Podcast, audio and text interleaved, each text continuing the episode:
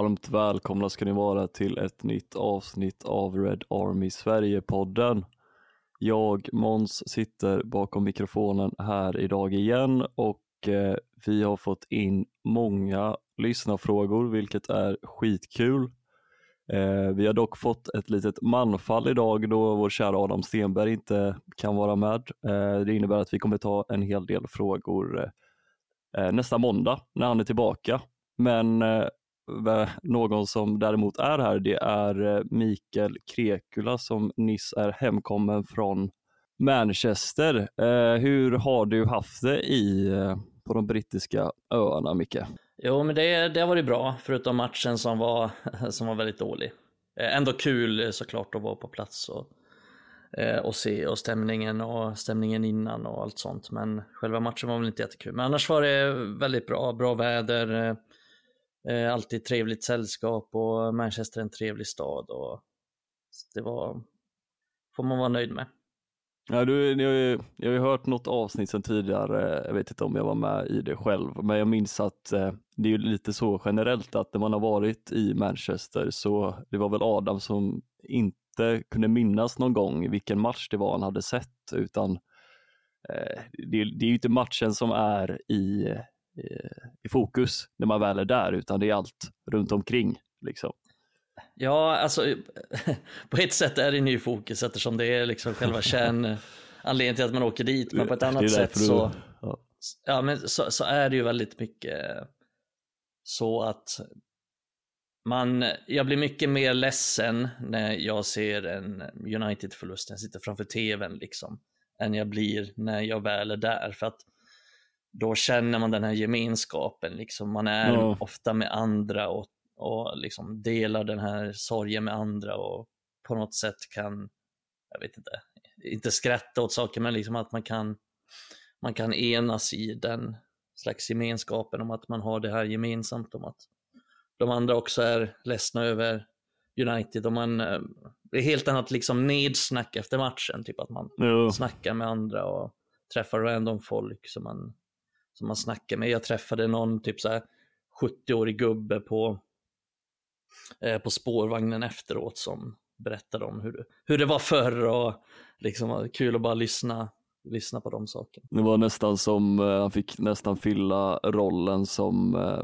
den där eh, mannen du Adam träffade på senast, jag vet inte om han var från Vietnam. Nej, han, han, fick fylla den rollen den här gången. ja, väldigt annorlunda eftersom han från Vietnam då var ju mest snackade om livet i sig, väldigt lite om fotboll upplevde jag. Just det. Men, ja, men det, var kul att, nej, men det är alltid kul att träffa, träffa nytt folk. Liksom. Lyssnar du på någon eh, krogvakt extra mycket den här gången? Nej, jag överlåter det till, till Adam. jag överlåter det till Adam. Eh, men du körde en sån där eh, tour också va, på Old Trafford?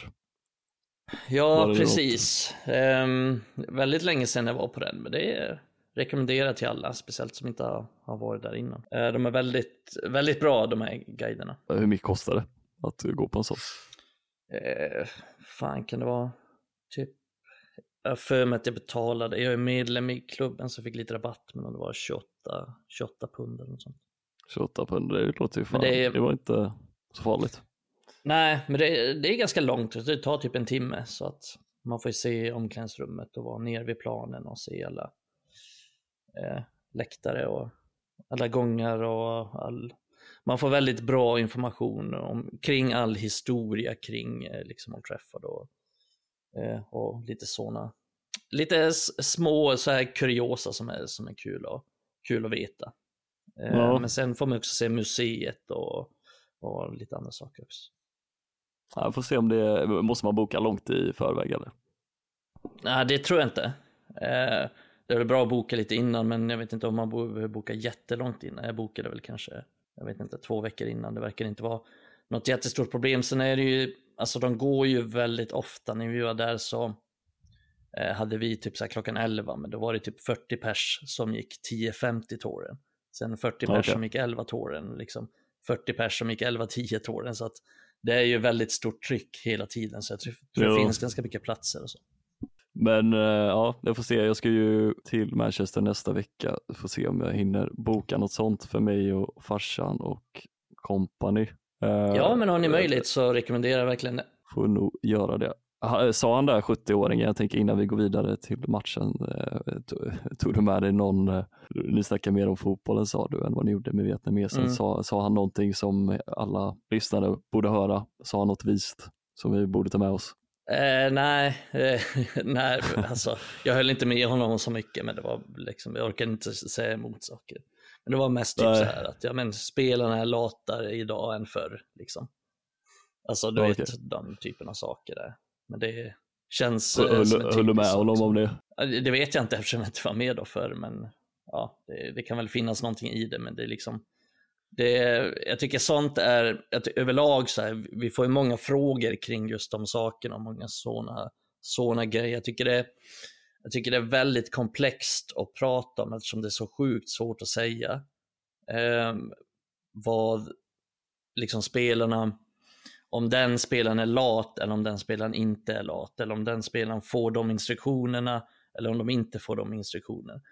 Eh, typ så här, ja men vad gör McTominay på den positionen? Är det för att han inte fattar eller för att han får de instruktioner att göra det? Så jag tycker det är väldigt svårt mm. att sitta här och dra sådana slutsatser kring vad någon är utan att riktigt veta varför de gör som de gör. Nu vi hamnar på en eh, tio minuters avstickare om Anthony Martial och hans eh, kroppsspråk på, ja, på planen. Nej men just, det, nej, nej, men just den saken också.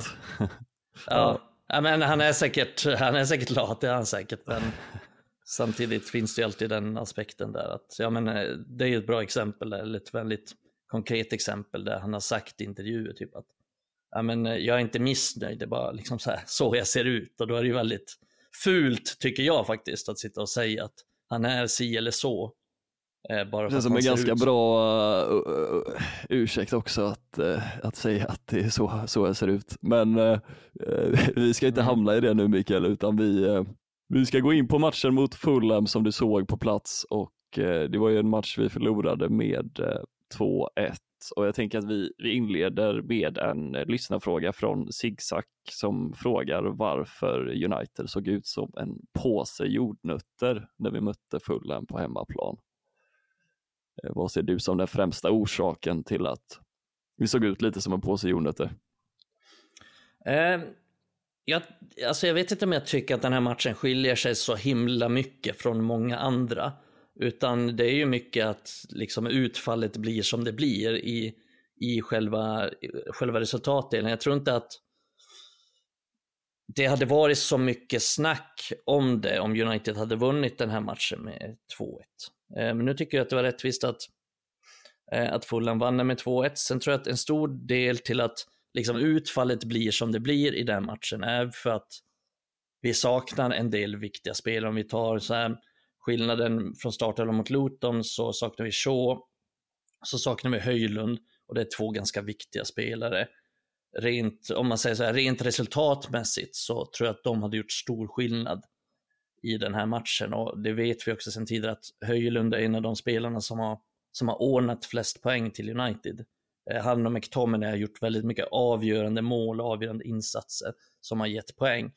Eh, och sen tror jag att Shaw också hade gjort det ganska mycket. Så här. Han brukar rädda upp ganska mycket defensivt. Och när både han och Martinez saknas så ersättaren liksom är Victor Lindelöf, inget ont om Lindelöf, men någon vänsterback, det, det, är han ju inte och det är stor skillnad där med, med Shaw. Så jag tror att den stora anledningen till att vi förlorar den snarare än vinner är för att vi hade ganska stora brister in så här personalmässigt i laget. Men rent taktiskt till varför spelet ser dåligt ut eller sådär, det, det tycker inte jag är någon stor skillnad. Utan det är ungefär som det har sett ut eh, den här säsongen. Vi har fortfarande eh, stora hål på mittfältet, vi åker på många omställningar. Ehm, vi har långt mellan lagdelarna. Eh, Jamie Carragher gjorde en analys av det här på Sky Sports igår.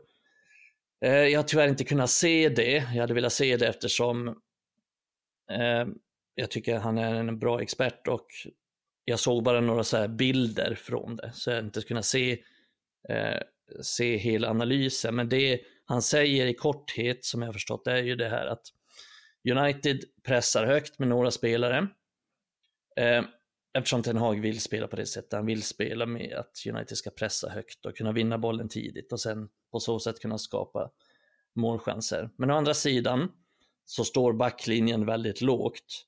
Så att backlinjen följer inte med upp i den här pressen. Eh, och det innebär att det är väldigt stora ytor mellan backlinje och de som pressar. Och ofta är det till och med, det är inte bara liksom anfallslinjen eller anfallstrion som pressar utan även ofta eh, två av mittfältarna. Så att ofta är det till och med så här både att Bruno och Meino till exempel är uppe och pressar. Och det skapar en väldigt stor klyfta mellan lagen, liksom att man är sex stycken där uppe och så är man nästan fyra där kvar eh, på ett sätt. Eh, och det blir väldigt svårt eftersom, alltså nu tycker inte jag att, alltså Fulham är ett stabilt lag så här, men de har inte jättemycket kvalitet framåt egentligen. De är ju ett av de lagen i ligan som kanske har, om vi säger så här, kanske minst kvalitet om vi säger så. Eh, det är inte så anfallsmässigt och namnmässigt, men de, de är stabila och ganska välorganiserade. Så de är bra på att utnyttja de här sakerna. Eh, och bara i den första halvleken, eh, och det här ser man väldigt tydligt när man kollar live, för då ser man de här uppställningarna. Eh, och bara i den första halvleken så kommer de rättvända mot backlinjen så jävla många gånger. Ja. Eh, och Vi lyckas ju inte vinna bollen i pressen där uppe och Fulham utnyttjar ju de här ytorna Nej. hela tiden. Och det, och det, är ganska sällan vi, alltså Ibland så lyckas vi bra med den pressen, men det är ganska många gånger vi misslyckas med den också. Man ser den här bilden hela tiden, liksom att Casemiro och Main och de springer felvända eh, mot, eh, mot eget mål för att de hela tiden behöver jaga. Och jag har också sett det här som en, jag kan inte tillräckligt mycket om liksom så här, om skador och så, men man kan fundera på varför får vi så mycket muskelskador? Varför har Luke Shaw fått en muskelskada nu? Jo, dels har ju han spelat väldigt mycket och snabbt ruschats tillbaka eftersom vi inte haft någon eh, ersättare för honom.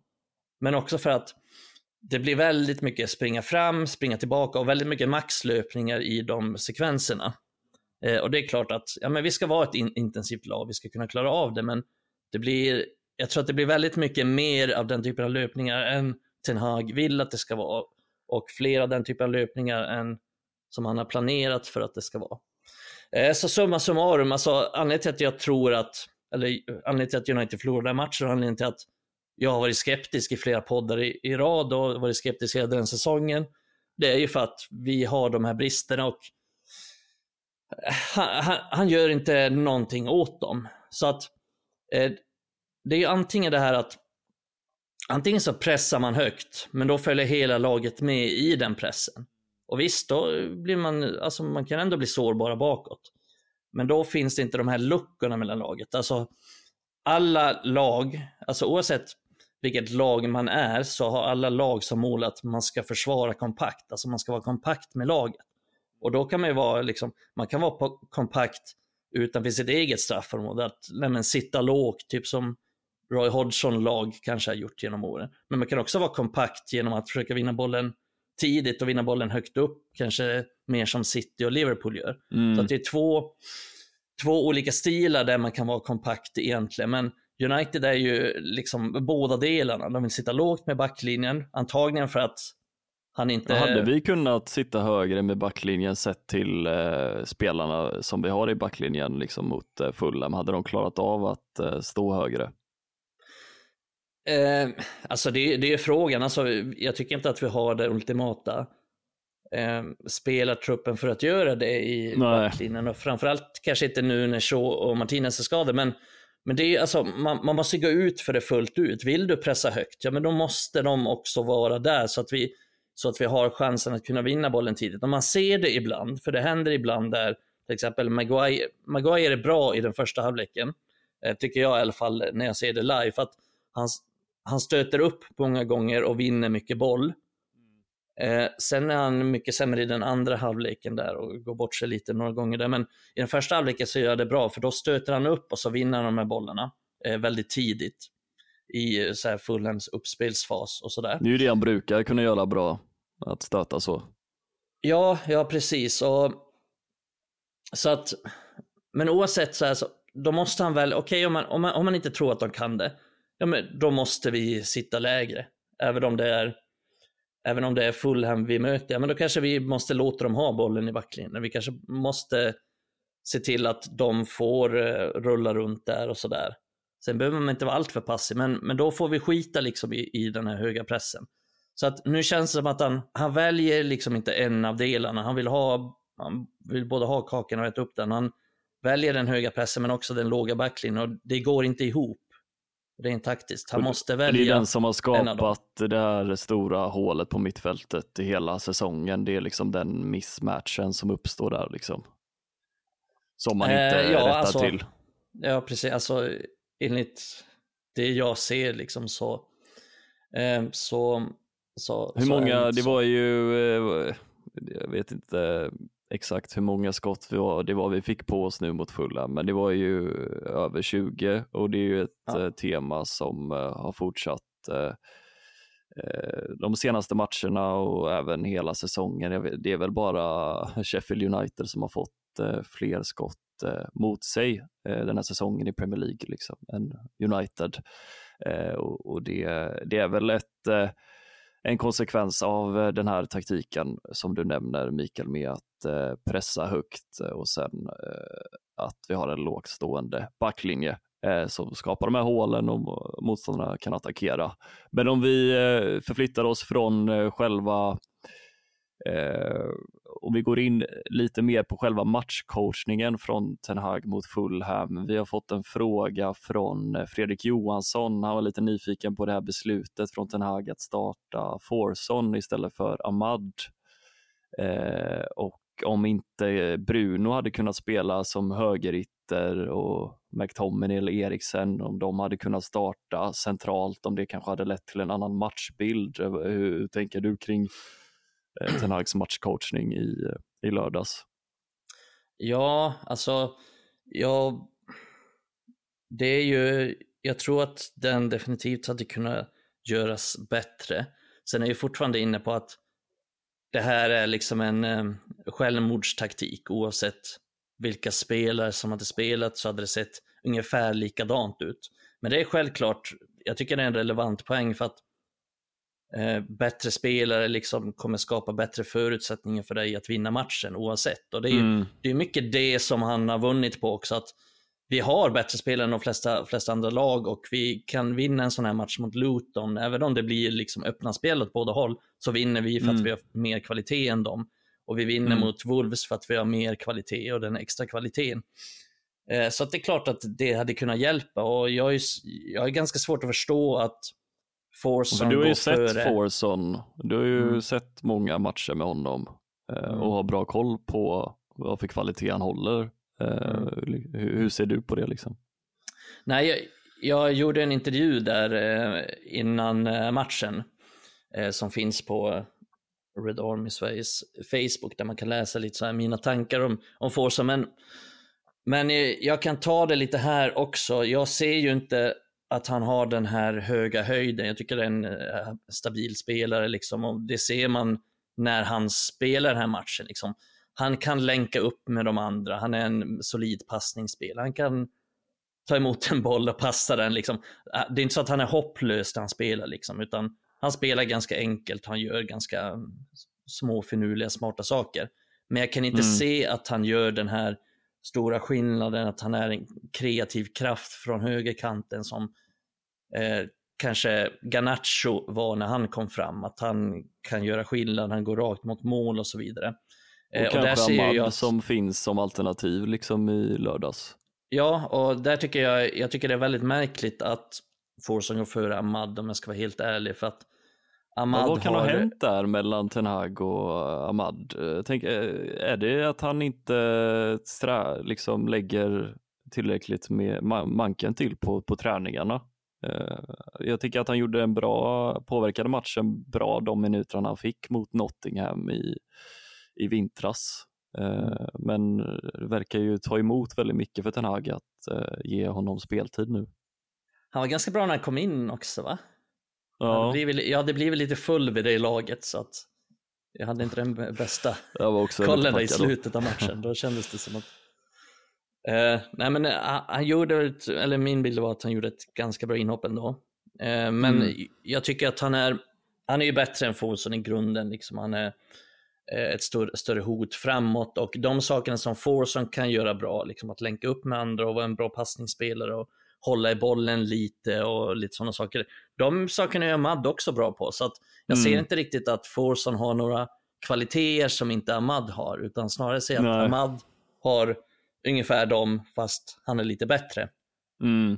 Eh, sen är det svårt att spekulera. Alltså, det känns ju ibland som att den har bara liksom får för sig någonting om att ja, men den spelaren Kan det vara lite prestige för honom nu att också välja Forson som är fostrad i United, att han kan se eh, att han tänker nu är Ratcliffe här, eh, mitt jobb kanske är hotat och jag kanske får extra poäng om jag väljer att spela eh, någon som har liksom växt upp i Manchester och spelat i klubben väldigt länge. Ja, jävla svårt att säga. Jag, jag, tror inte det. Jag tror inte det. Jag, jag, tror bara att han, och det ska man ha respekt för. Vad fan, Ten Hag är ju inte dum i huvudet liksom. Det är inte, även om jag varit kritisk mot Ten Hag, eh, så, ja. så säger han ju någonting och han är ju liksom, det är klart att han är en smart fotbollsperson som ser någonting i Forsen då. Men sen har ju också de här, eh, de här teorierna varit lite att Forsen har ju fortfarande inte skrivit på något nytt kontrakt med United och okay. jag vet inte om vad som händer där, liksom om, om han kommer ja. göra det, men det, det verkar inte som att han har tackat ja till det erbjudandet han har fått, än i alla fall. Eh, och då har det varit lite, lite snack om att det är en av anledningarna till att Ten Hag spelar Ge honom incitament liksom. till att uh, skriva ja, på nytt kontrakt helt enkelt. Exakt, exakt. Men sen samtidigt så är ju, säg att Ten Hag förlorar mot Nottingham och sen mot City då är det ju nästan, då tror jag att det är liksom, jag vet inte om han får sparken där och då, men då är jag ganska säker på att förlorar han de två matcherna, då, förlorar, då förlorar han tre i rad här. De två kommande då, nu, då kommer ju de, och ja, men då kommer ju, då kommer ju Ratcliffe liksom, de kommer söka en ny tränare. De kommer inte ge honom ja, något nytt kontrakt. börjar läggas till nu mot strupen. Ja, så det, så det är inte så att han bara kan, ja men nu ska vi spela Forsen för att jag ser till klubbens bästa. Nej, det tror jag absolut nej, inte att han gör. Han måste, se, han måste såklart se någon sportslig vinning i det också. Ja. Eh, för er som lyssnar, vi kommer att på måndag nästa vecka när Adam är tillbaka i podden så kommer vi att eh, ta oss an. Vi har fått jättemånga frågor om Erik Ten Hag eh, ifall det är dags för han att få sparken nu och vem vi eh, vill ska ersätta honom. Eh, det är frågor som vi kommer att eh, svara på nästa vecka helt enkelt, så ni får hålla till godo till dess. Men nu tar vi tag i eh, Marcus Rashford för eh, det är många lyssnare som har velat att vi ska prata om honom i detta avsnitt. Eh, Kristoffer Madsen, Mattias Arntzen, Gustav Tapper och United Lad bland annat. Och ni har ju alla haft lite liknande frågeställning som ja, eh, berörat Rashford. Är det dags för honom att lämna klubben? Eh, han är ju iskall på planen, han är högt betald, han verkar ha en dålig inställning. Räcker hans prestationer år 2024 verkligen till? Bojan eh, roastar honom ganska totalt i eh, Viaplay Studio efter matchen. Eh, hur känner du spontant Mikael till eh, Rashford och hans prestationer nu och hans framtid i klubben? Ja, men, eh, jag tycker att det är en väldigt svår fråga. Eh, och det är ju mycket för att vi kommer behöva göra så pass många förändringar i sommar vad gäller spelare in och spelare ut. Eh, kanske vad gäller tränare, kanske vad gäller sportchef och så vidare. Att jag tror att det är väldigt svårt att, eh, och väldigt riskabelt också att, att göra sig av med honom nu i sommar. Sen förstår jag kritiken. Liksom. Det han har presterat den här säsongen, det har, det har inte varit bra nog, det har inte varit tillräckligt. Eh, han har inte gjort tillräckligt med mål eller assist och inte heller varit tillräckligt bra i spelet. Men eh, samtidigt tycker jag att det är så pass många andra spelare som behöver försvinna före honom och vi, vi, kan, vi kan inte skeppa eh, alla samtidigt. Då skulle vi sälja Rashford till exempel, ja, men då, då, behöver vi ersätta honom, så enkelt är det. Och då blir det ännu en till spelare som vi behöver ersätta. Eh, så jag tycker att det här är någonting som vi nog kan avvakta lite med och ta, ta tag i som, sommaren eh, 2025. Men sen, sen kan det ju vara så också att Rashford har ju visat den här höjden förut. Eh, och nu säger inte jag att han kommer nå den, men säg att vi kanske har en annan tränare och vi har mer välfungerande trupp. Ja, men då är det ju fullt möjligt att han kommer blomstra igen, att han kommer göra bra ifrån sig igen. Så att jag tror inte det här är någon så här hopplöst fall som jag känner typ med, eh, med några andra spelare som vi bara, typ så här, Christian Eriksen, ja men vi måste släppa honom nu i sommar, det finns mm. ingen framtid för honom, vi måste släppa eh, Casemiro eftersom han bara kommer att bli sämre och han har också en eh, jättehög lön och sådär. Jag ser ändå att Rashford är, en, är i en ganska bra ålder. Jag tror inte att han kommer så här utvecklas jättemycket mer, men han är ändå bara 26-27 år så att det finns ändå lite tid för honom att kunna komma tillbaka. Och... Eh, så att mitt långa svar på det blir väl att jag, jag, tror att det blir svårt i sommar eftersom vi behöver göra så pass mycket annat. Eh, så jag, tror, jag, tror, jag tror inte att det är aktuellt att United kommer sälja honom ens.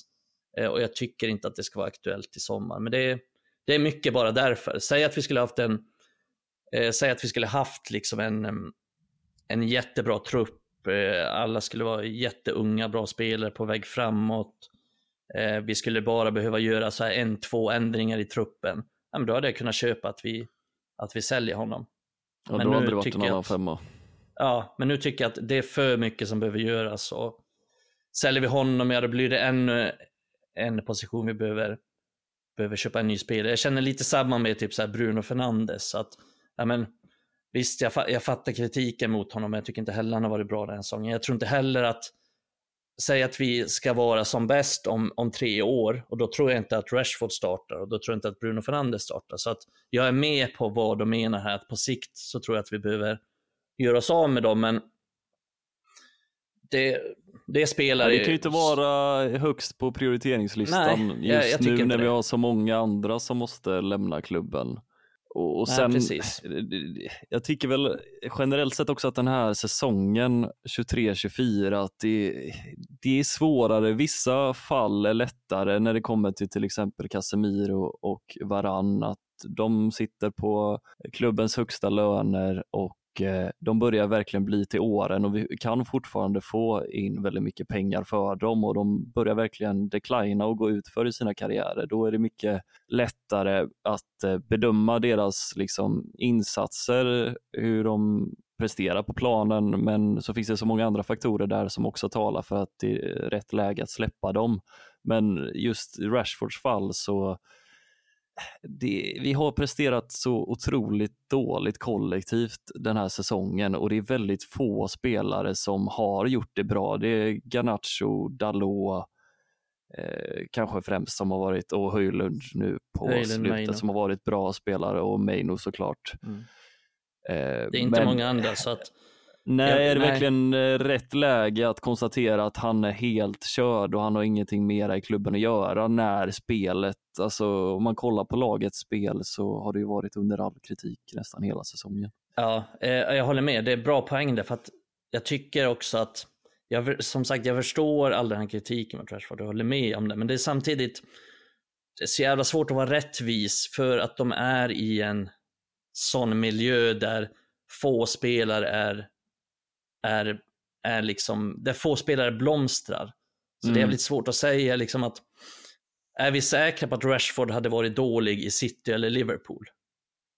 Nej. Och är, är svaret liksom, ja han hade varit dålig, ja men då ska han väl säljas här, men jag är inte säker på att han hade varit så dålig Nej. I, i de klubbarna. Och då är det förbannat svårt liksom att sitta här och säga att ja, men vi, måste, vi måste skeppa honom, han är för dålig. Liksom.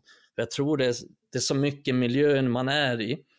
Eh, och Rashford tycker jag är extra svårbedömd eftersom ja, men dels är han så pass ojämn i spelet, men, men också att hela hans eh, United-karriär är liksom kantad av att han har varit i en ja, men, liksom, inte särskilt fungerande miljö. Jag tycker ju egentligen att, inte för att säga att Solskär har varit liksom någon stjärna i United, Solskär hade mycket brister, men det han var bra på var ju att han fick ut mycket av, av Rashford till exempel. Han fick ut mycket av de offensiva spelarna och en stor anledning till varför han fick det var ju för att hans spelsätt passade Rashford väldigt bra. Mm. Eh, och då kan man ju liksom se någonstans den potentialen som finns i Rashford och finns i många andra spelare när de används på rätt sätt, där deras styrkor kommer fram. Så att det är väldigt svårt att, att sitta och säga någonting definitivt också för att jag tycker inte att saker och ting fungerar så bra för United just nu som lag. Och ja, Sen kan man väl sitta och diskutera så här, är Rashford den stora ledaren liksom som tar tag i saker? Nej, Nej det, är det, är han inte. Ju, det är han ju inte.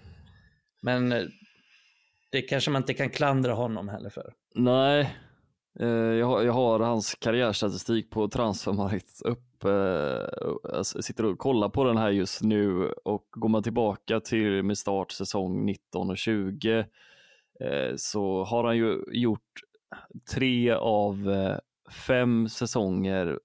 Han har gjort det väldigt bra med poängproduktionen i tre av fem säsonger. Eh, 1920 så gör han 17 mål och 9 assist på 31 matcher. 2021 så gör han 11 mål och 11 assist på 37 matcher. Sen har han ett, en dålig säsong som laget i övrigt, eh, 21-22, innan han eh, kom eh, i fjolåret då med sin bästa poängmässiga säsong hittills.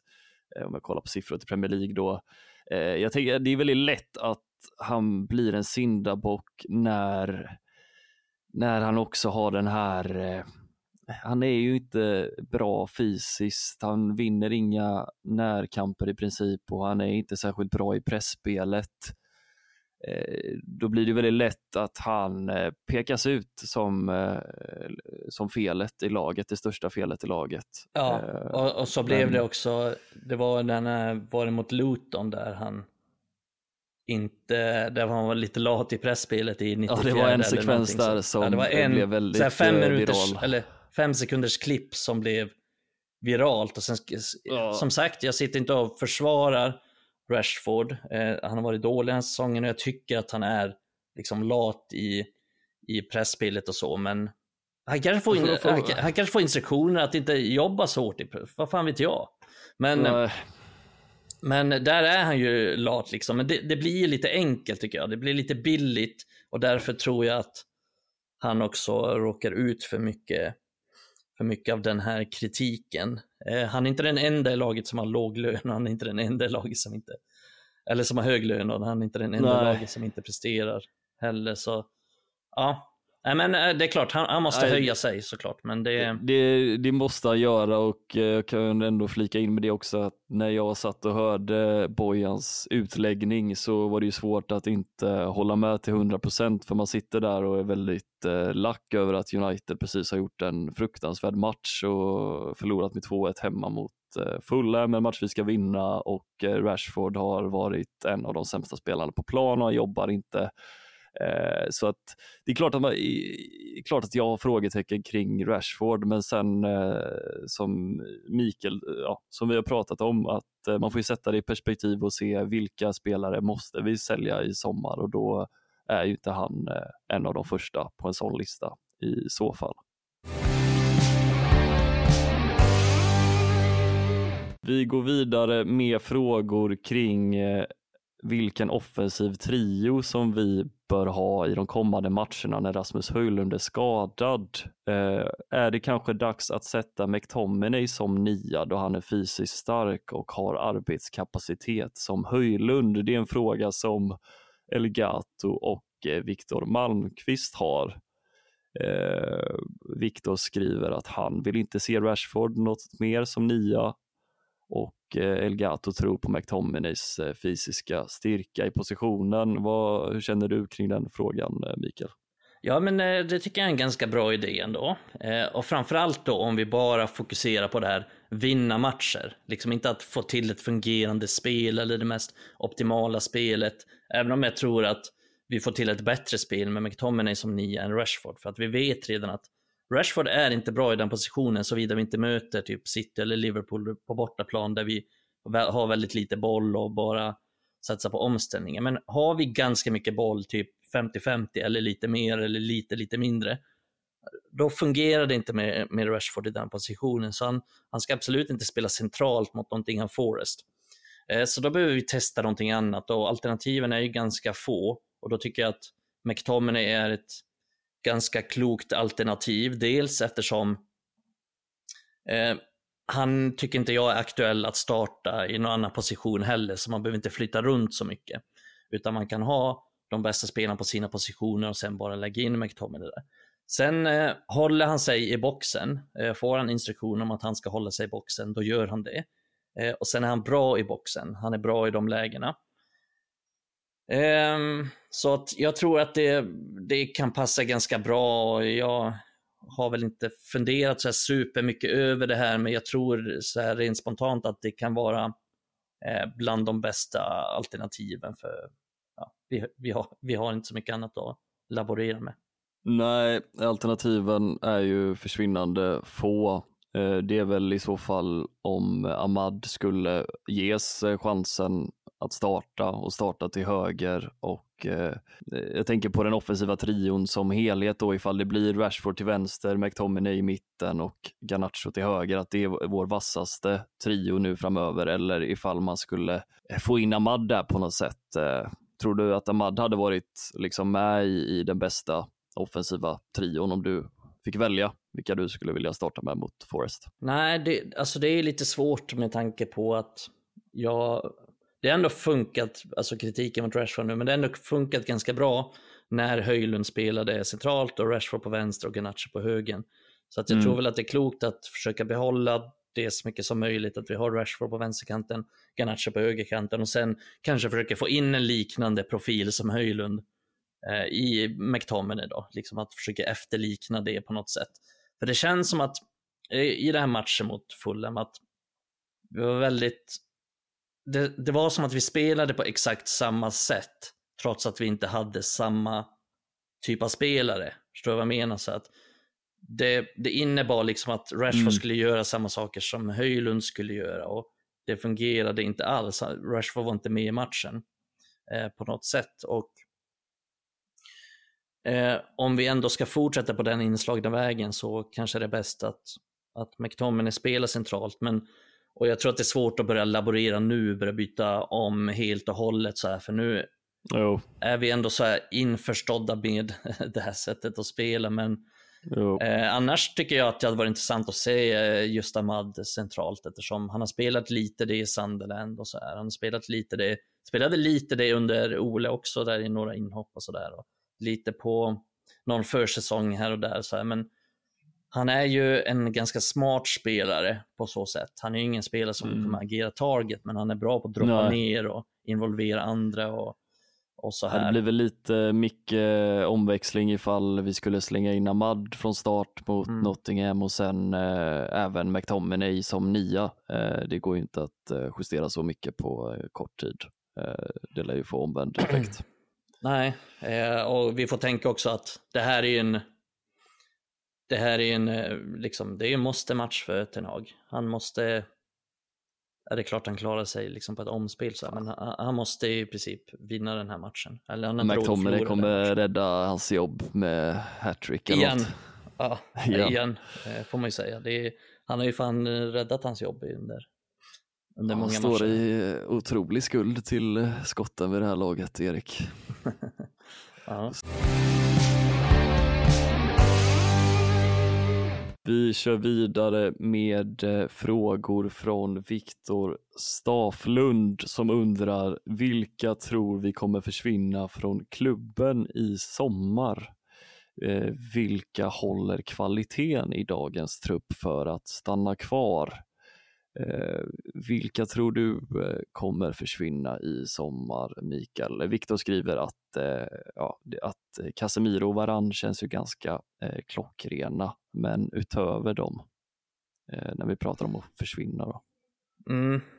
Eh, ja, återigen, det, det, är väldigt svårt att säga vilka. Det, det är alltid så här, man tänker att typ så här, tio stycken ska försvinna, men så är det ganska sällan så många eftersom då hade vi behövt värva liksom tio nya också. Det mm. känns ganska orealistiskt. Men de jag känner spontant, det är ju så här, ja men varann eh, Lindelöf kanske som mittbackar då. Eh, och det är för att Lindelöf också är en sån som behöver säljas om vi ska få lite pengar för honom.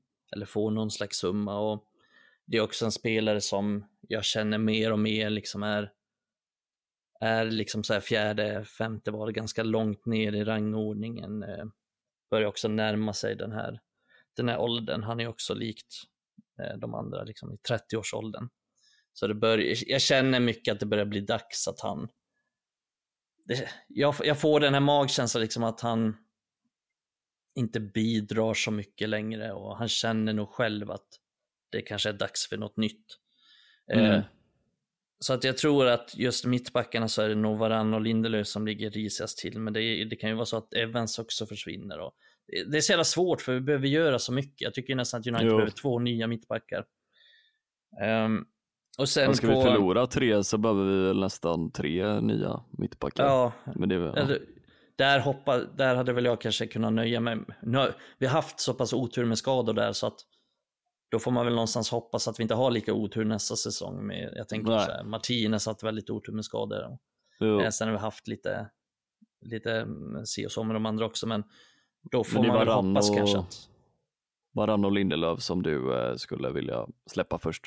Ja, av mittbackarna. jag tror det. Men sen är det ju så här på sikt så vill jag att Maguire också ska försvinna och, eh, och så vidare. Så att egentligen av de som är kvar så är det ju bara Martinez jag tycker som verkligen ska vara kvar. Eh, resten hade jag varit ganska okej okay med försvinner. Nej, men sen, sen hoppas man ju på att, ja visst vi kanske fyller på med två, men sen hade det varit fördelaktigt om vi kunde fylla på med en, med en akademispelare som säger att Kampala kanske kan ta en större roll nästa säsong och vara, vara den här Evans. För nu har ju Evans varit liksom, ja, tanken var att han skulle vara femte val, men han har ju faktiskt gått före varann många gånger. Och, och jag tycker, jag älskar ju Evans liksom som person. Jag tycker han verkar vara en väldigt smart och, och bra kille, plus att han är United through and through. Men jag tycker att hans insatser är ganska svaga den här säsongen, vilket inte är konstigt. Han är ju eh, 36 år nu som han har hunnit bli. Eh, så ja, jag ser gärna att han kanske också försvinner. Men sen på mittfältet så, så är det ju Casemiro som jag tycker behöver eh, säljas. Dels eftersom det kan vara en bra inkomstkälla. Eh, dels eftersom han har jättehög lön. Eh, och jag tycker att han snabbt har gått ut för och han är en, han är en dålig ålder liksom så. Eh, och sen eh, Eriksen Eh, jag sa det redan inför den här säsongen att jag tror att han kommer, jag, tror, jag kan liksom inte se att han har en roll den jag här tycker, säsongen. Jag tycker det är jobbigt att se honom på plan nu för tiden. Jag tyckte det var jättejobbigt att se honom i inhoppet mot uh, Fulham. Mm. Uh, visserligen så slår han några bra passningar mot slutet, men det är ju så mm. himla uppenbart att hans uh, fysik inte räcker till ja. längre. Och det är, det är, bara för att då backar ju Fulham hem och då får han lite tid på sig sen. De sätter inte alltså jättehög press där och då. På, just Nej. på slutet när de backar hem där. Så och då är han ju, då har han ju sina fördelar, men det, är ganska sällan vi hamnar i de situationerna, så jag ser inte riktigt att, att han gör att han är tillräckligt relevant att ha kvar tyvärr. Så att det är ju en spelare som också behöver, som också är liksom över 30 nu som, som vi behöver göra oss av med, som kommer vara ännu sämre nästa säsong. Eh, sen tycker jag att, ja men Martial är det ju givet, han kommer försvinna. Eh, och sen eh, Anthony och Sancho. Hoppas att båda säljs och båda är sådana som kan inbringa lite pengar. Tror du att Anthony skulle inbringa några pengar i dagsläget? Äh, alltså han går inte gratis så att Nej. Jag men tror liksom vi 10 får... miljoner pund eller 20 miljoner pund vad ja, pratar Det är ju spekulativt men ja. jag är lite så, eh, alltså ska vi bara ta 10 miljoner, jag vet inte vad han sitter på för lön, men ska vi acceptera 15 miljoner pund för honom i sommar för att vi, vi har verkligen, och ja, jag, jag ställer mig inte emot dem som har tappat hoppet på honom, för jag har också tappat hoppet på honom, men jag vill väl ändå tro att det finns någon form av låga kvar i honom som skulle kunna komma fram när eh, det mm. kollektiva Manchester United spelar bättre mm. fotboll och på så sätt höjer hans transfervärde. Eh, kanske mm. nästa säsong om vi spelar bättre. Men, men du är beredd att sälja honom för ganska lite pengar i, i sommar?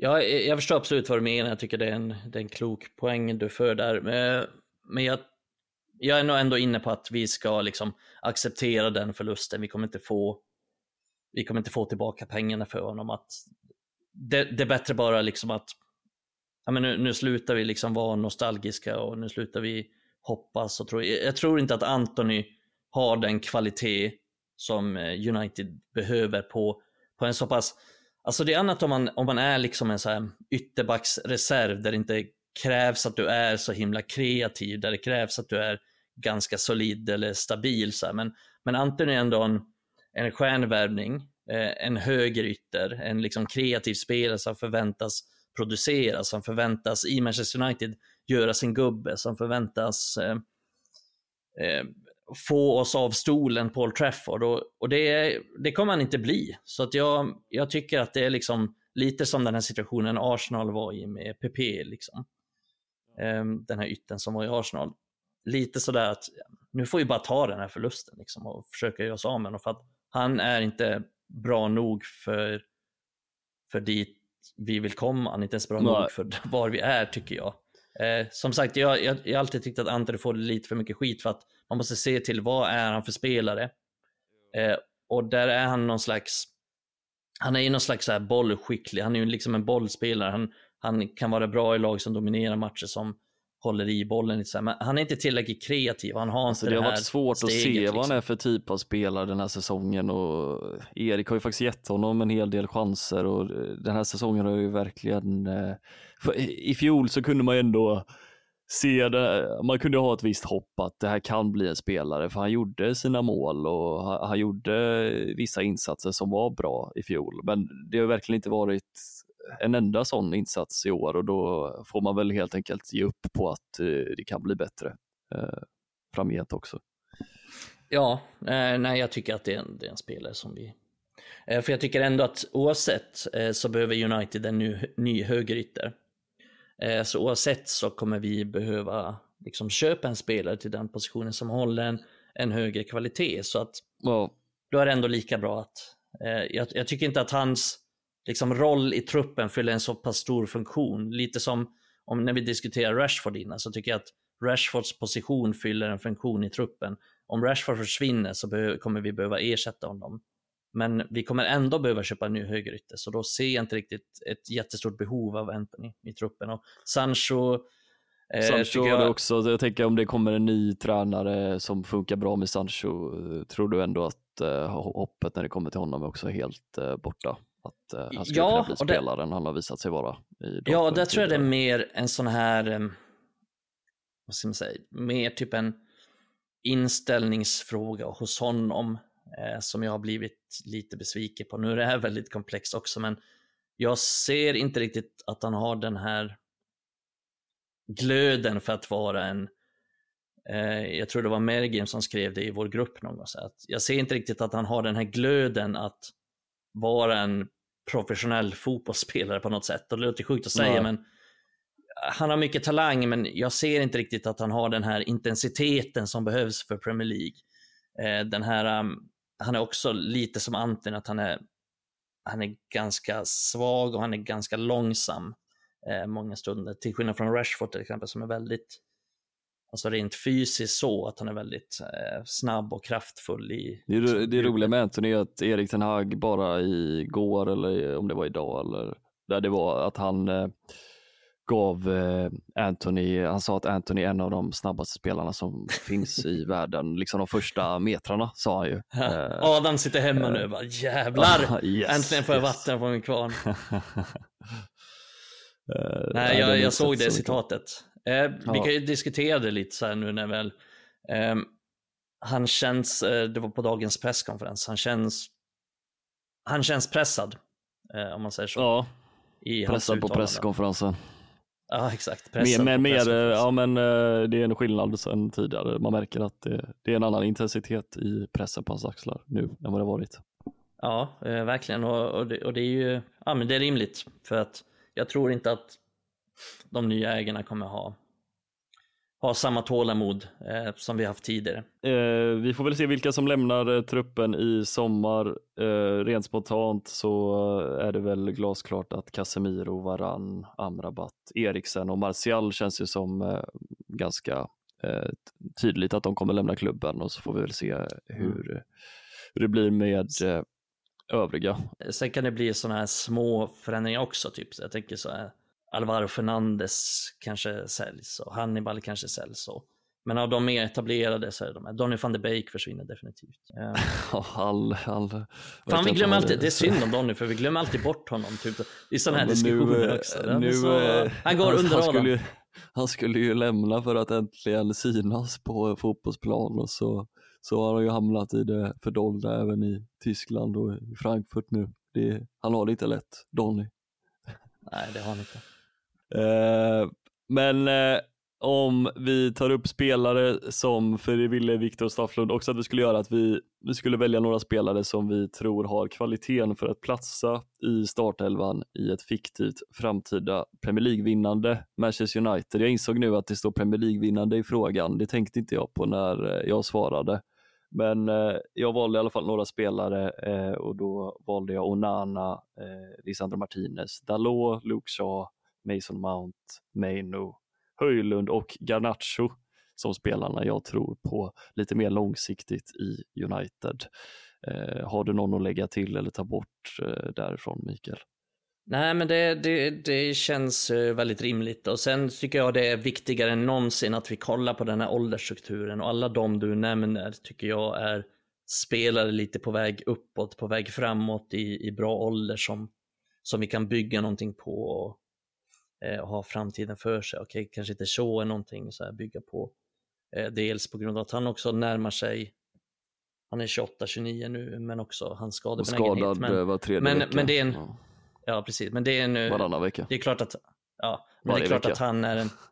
Jag tror att han kan vara mindre skadad om han används lite bättre. Eh, där han inte behöver spela exakt hela tiden och det har ju varit svårt den här säsongen. Alltså det, det, det, det där, jag måste bara säga det att det där blir man ju så himla förbannad på. Jag tror vi säkert pratade om det i senaste avsnittet, men eh, hur kan jag tänker att där måste man fan ändå ge, vi ska prata med Erik Ten Hag nästa måndag, men varför har vi inte fler vänsterbackar i truppen just nu? Det är så, det är så ofattbart dumt, jag förstår inte. Luke Shaw hade mm. varit frisk nu om vi bara hade behållit Region eller inte lånat ut Alvaro Fernandes. Mm. Ja, Nej, verkligen. Och det, det är ju en intressant, fan det, nu får det vara så här, jag minns inte heller om vi, om vi har snackat om det här, men jag minns att vi jag om tänkt, det. Ja. ja, det kanske vi gjorde, men jag minns att jag tänkte på det när City mötte Brentford i veckan och så. Så att det bröjn på bänken hela den matchen och jag tänkte så här, för jag hade inte riktigt koll på varför han inte spelade någonting. Men så satt han liksom, det stod ju, det var oavgjort ganska länge, men han bytte mm. fortfarande inte in honom. Eh, och så var det typ så en kvart kvar och De Bruyne satt fortfarande kvar och då här för mig, jag minns inte vem som kommenterade matchen, om det var Claes Andersson på Viasat eller något sånt och sa han att eh, Pep hade sagt att De Bruyne hade känt, alltså, känt någon slags stelhet i liksom så här baksida lår eller någonting så han ville inte mm. ta några chansningar med honom. Men då har ju Pep den lyxen att men City har en bra trupp och det är väl någonstans City har en bra trupp. Vad fan är det? Har de det? det plattaste jag någonsin sagt. Men eh, de har ju också två, två, två jättebra spelare på varje position, så de har ju råd att göra de här sakerna. Men jag tyckte det var intressant för att det handlar ju också om att eh, någonstans som att känna av dina spelare, känna av vad som är bäst i det långa loppet. Eh, och då var ju Tog, hade det varit en CL-final, ja, men då hade De Bruyne startat den matchen och kanske klivit av skadad. Det var väl det som hände typ i någon CL-final dessutom. Eh, men nu var det en ligamatch i, i februari och ja, han tar inga risker med honom. Eh, och jag vet inte om Ten Hag hade gjort samma sak med Shaw om det hade funnits bra alternativ. Det är väl möjligt att han hade gjort det. Men nu, nu var det så. Nu fanns det inga alternativ och då chansade ja, med Shaw. Inte och så gick han sönder. Det det går inte riktigt att skylla, det, det som gör det så tydligt i den situationen är väl att det har gjorts ett val bara för en månad sedan som inte hade behövt göras. Vi hade kunnat mm. ha en till vänsterback i truppen men sen får man ju såklart ge Ten Hag det att det har inte varit eh, strålande planering bland sportchefer i klubben som har gett honom ett bra truppunderlag heller. Det får man ju, men just Nej men, men han hade kunnat säga bara Nej, men jag vill ha kvar Fernandes för att han ja, men just i den här situationen så tycker jag det blir lätt ändå att, uh, att mm. ge honom skit för det, uh, ja. Erik. Ja, men det är lätt kunnat säga. Uh, det blev en finansiell fråga där med, med Regilion. United hade behövt betala någon miljon pund. Så ja, jag tänker inte sitta och spekulera i om de kunde gjort det eller inte, men, men just Fernandes är ju ett väldigt enkelt val för då hade det kunnat, hade man bara för där gjorde han ju ett val att, ja, men jag, nej jag behöver inte honom den här säsongen. Och redan då, när Fernandes lånades ut, så var det mycket diskussion om att, är det här så smart? Eh, och då lånade vi in sen Reguljon och då, okej, okay, ja men nu har vi gjort det i alla fall. Men sen att liksom ta bort den, eh, den spelaren i, i januari och, och, inte, och man läser fortfarande inte tillbaka. Eh, och det borde ju de veta om. De måste ju veta om den här skadesituationen med Malaysia. Så då är det ju, ja, det, det, är väldigt dumt och det, det är liksom genomsyrar hela klubben, alla de här sakerna tycker jag. Just nu. Har han sin still nu, Malaysia? Vet du det? Det, Nej, det var ju en ny är... skadeuppdatering nyligen att, eh, ja. en ny, om att han är ja, men på de, gång. De, upp, de har uppdaterat lite nu. De har fått lite frågor om honom. Så här. Men eh, uppdateringen har varit jag vet inte riktigt var de har varit, men det var typ så här, men han är snart tillbaka, så här, men det är ingen som, som har sett till honom. Klassisk försöker fortfarande ja. dölja att någon har eh, gått bort.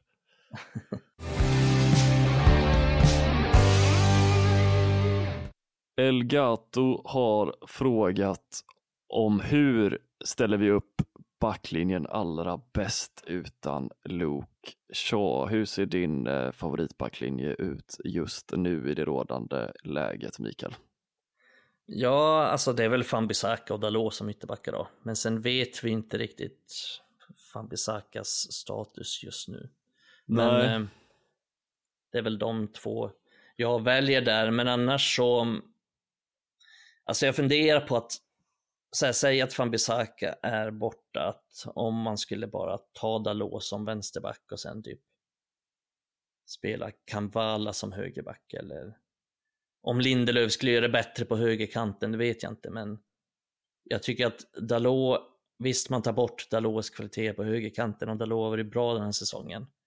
Eh, var inte så bra mot Fulham dock, men han har varit bra den här säsongen. Um, men han är ju också ganska bra som vänsterback och när Shaw är skadad och Malaysia är skadad så är han ju den som är klart bäst som vänsterback. Ja, det måste ju eh. vara Wan-Bissaka till höger när han är skadefri och Dalot till vänster som är bäst ja. Eh, just, just nu. Eller Fambasaka. Eller Fambisaka till vänster, det vet jag Jag har typ aldrig sett honom spela vänsterback. Men då... Ja, jag litar nog mer på Dalot där faktiskt. Ja, det känns som att äh, Fambisaka är jävligt yvig, att det kan bli lite vad som helst som man hittar på. Oh.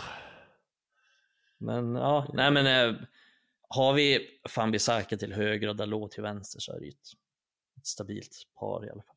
Eh, vilka mittbackar? Ja, men det är väl Maguire och Varann som vi liksom får ja, förlita oss på. De har ju haft eh, lite tufft senaste två matcherna men eh, sett till materialet mm. vi har så känns ju de ändå som de bästa alternativen. Det är väl lite intressant det här med att eh, Ten Hag eh, väljer att spela de två tillsammans eh, fast att han så länge i början av säsongen vägrade att spela dem tillsammans på grund av att han ville ha en vänsterfotad mittback till vänster.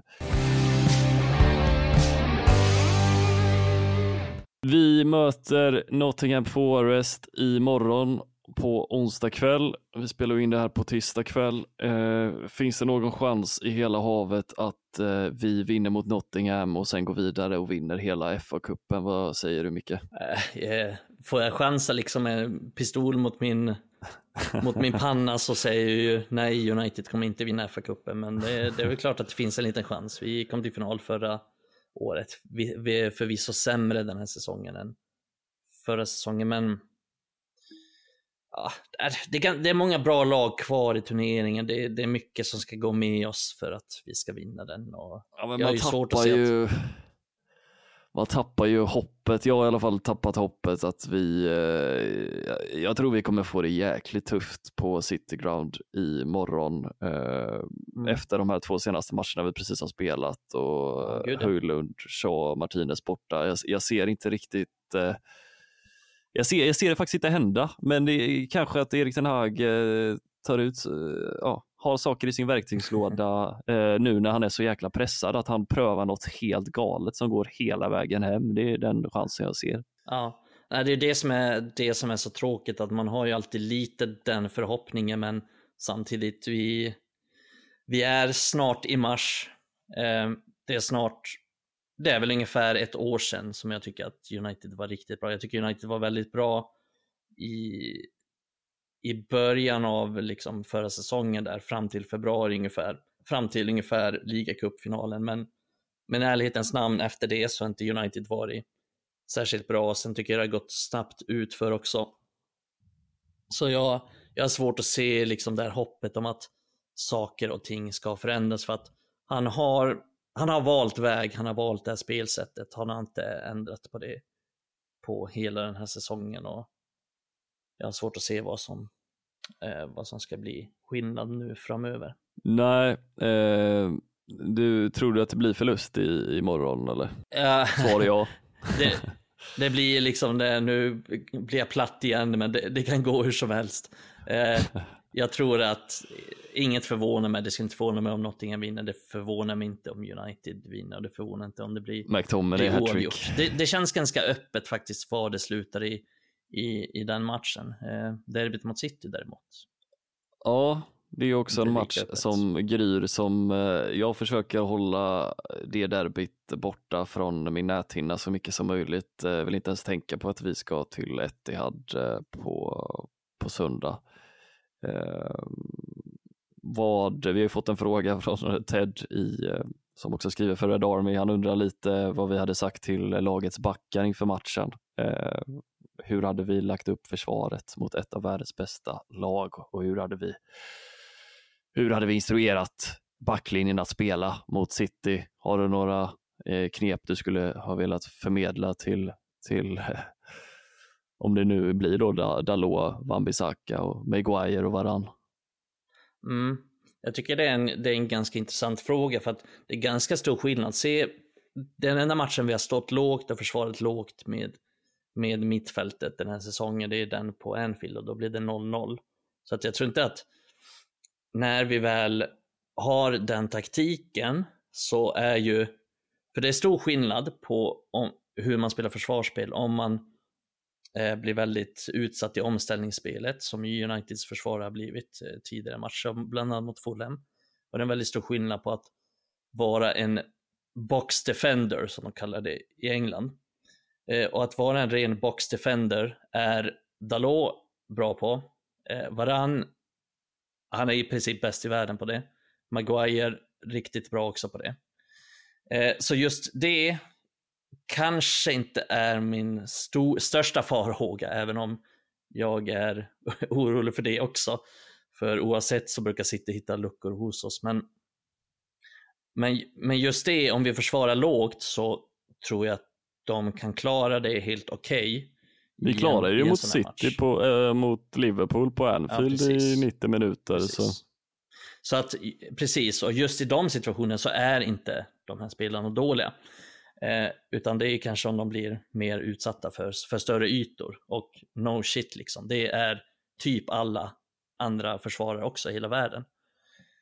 Eh, men just de här, just Maguire, just Varann är, är bra boxspelare. Liksom, de tar bort mycket, vinner mycket dueller, vinner mycket nickdueller. De är bra på att positionera sig i eget straffområde. Så, här. så att det ska faktiskt bli intressant att se hur United tar sig an den matchen om vi kommer köra som mot Liverpool, att alla står väldigt lågt och vi försöker bara liksom försvara och sen få några omställningslägen som vi förhoppningsvis gör mål på. Eller om vi kommer spela så här öppet som vi har gjort eh, tidigare matcher. Eh, för att vi har ju spelat ganska öppet även i många stormatcher eh, tidigare. Eh, ta till exempel när vi förra året förlorade stort på Anfield till exempel så var vi eh, väldigt öppna också. Eh, även om det har blivit mycket värre den här säsongen. Så ja, det, där måste ju han ta något beslut också. Där tror jag faktiskt att han kommer välja att försöka stå ganska, ganska lågt mot City och hoppas på att vi vinner med 1-0 eller någonting sånt.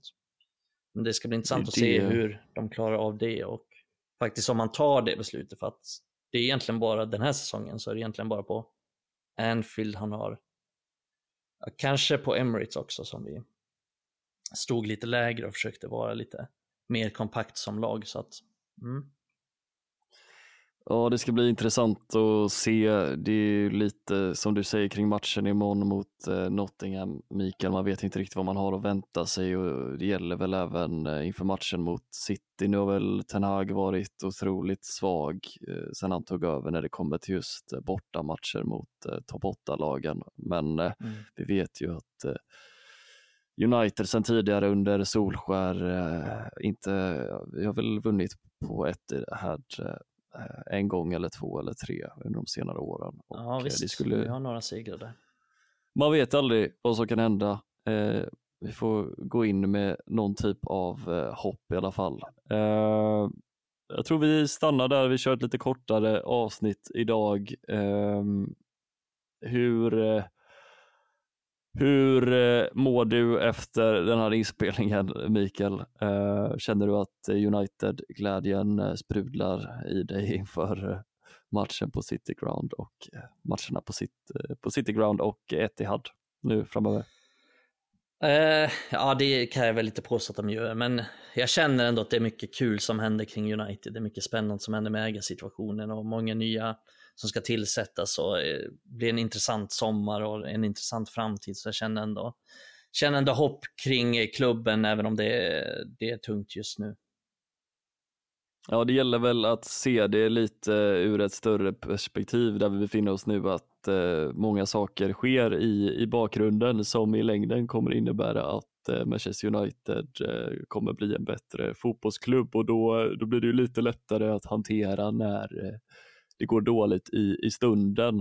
Eh, och jag tänker, ja, vi fick ju en fråga från Stefan Magnusson som rörde hur, hur orkar man med eh, Manchester United just nu efter segern mot Fulham. Eh, han har hållit på United i över 40 år och han, han har svårt att känna en gnista just nu men eh, det är väl lite det som är svaret på hans fråga.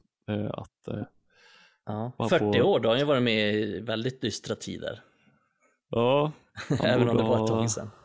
Lagt på sig en liten, äh, fått med sig lite äh, en kevlarväst från, ja, från det verkligen. förflutna. Mycket upp och ner då, kan man säga. Eh, nej men det, man försöker hitta de eh, positiva bitarna. Jag, alltså jag, hade jag liksom inte, hade den här, hade inte Ratcliffe kommit in och köpt klubben här, då hade jag känt en extrem negativitet, liksom att det finns ingen framtid. Men nu känner jag verkligen att de är, de är sådana som får saker att hända. De har ambitioner för fotbollsdelen och jag såg eh, och läste alla intervjuer med Redcliffe här nu när ägarskapet blev, blev officiellt och mm. han säger väldigt, väldigt, väldigt bra saker och väldigt intressanta saker och man får verkligen den känslan att han vill förändra på riktigt och, och det är det också som, det tycker jag han har visat hittills, så här med en ny vd väldigt snabbt och, eh, och försöker få liksom de bästa på, på alla positioner och försöker verkligen eh, göra om på de positionerna som har som, som Glazer inte har gjort någonting åt helt enkelt. Eh, med det sagt så tror jag vi stänger för idag och eh, håll till godo som sagt med era frågor som ni hade om Erik Ten Hag för de kommer vi att besvara på måndag i sällskap av eh, Adam eh, och eh, även fler frågor som vi inte tog upp idag, bland annat eh, om eh, Greenwood och eh, eh, vad Sir Jim Ratcliffe hade att säga om honom i intervjun. Eh, tack för att ni har lyssnat och glöm inte att följa oss på sociala medier, Red Army Sverige på Facebook, Instagram och Twitter och även eh, RAS-podden på Twitter så hoppas vi att vi tar oss vidare i FA-cupen eh, och vinner mot Nottingham imorgon och att vi ger City en rejäl kamp på söndag. Ha det gött. Hej!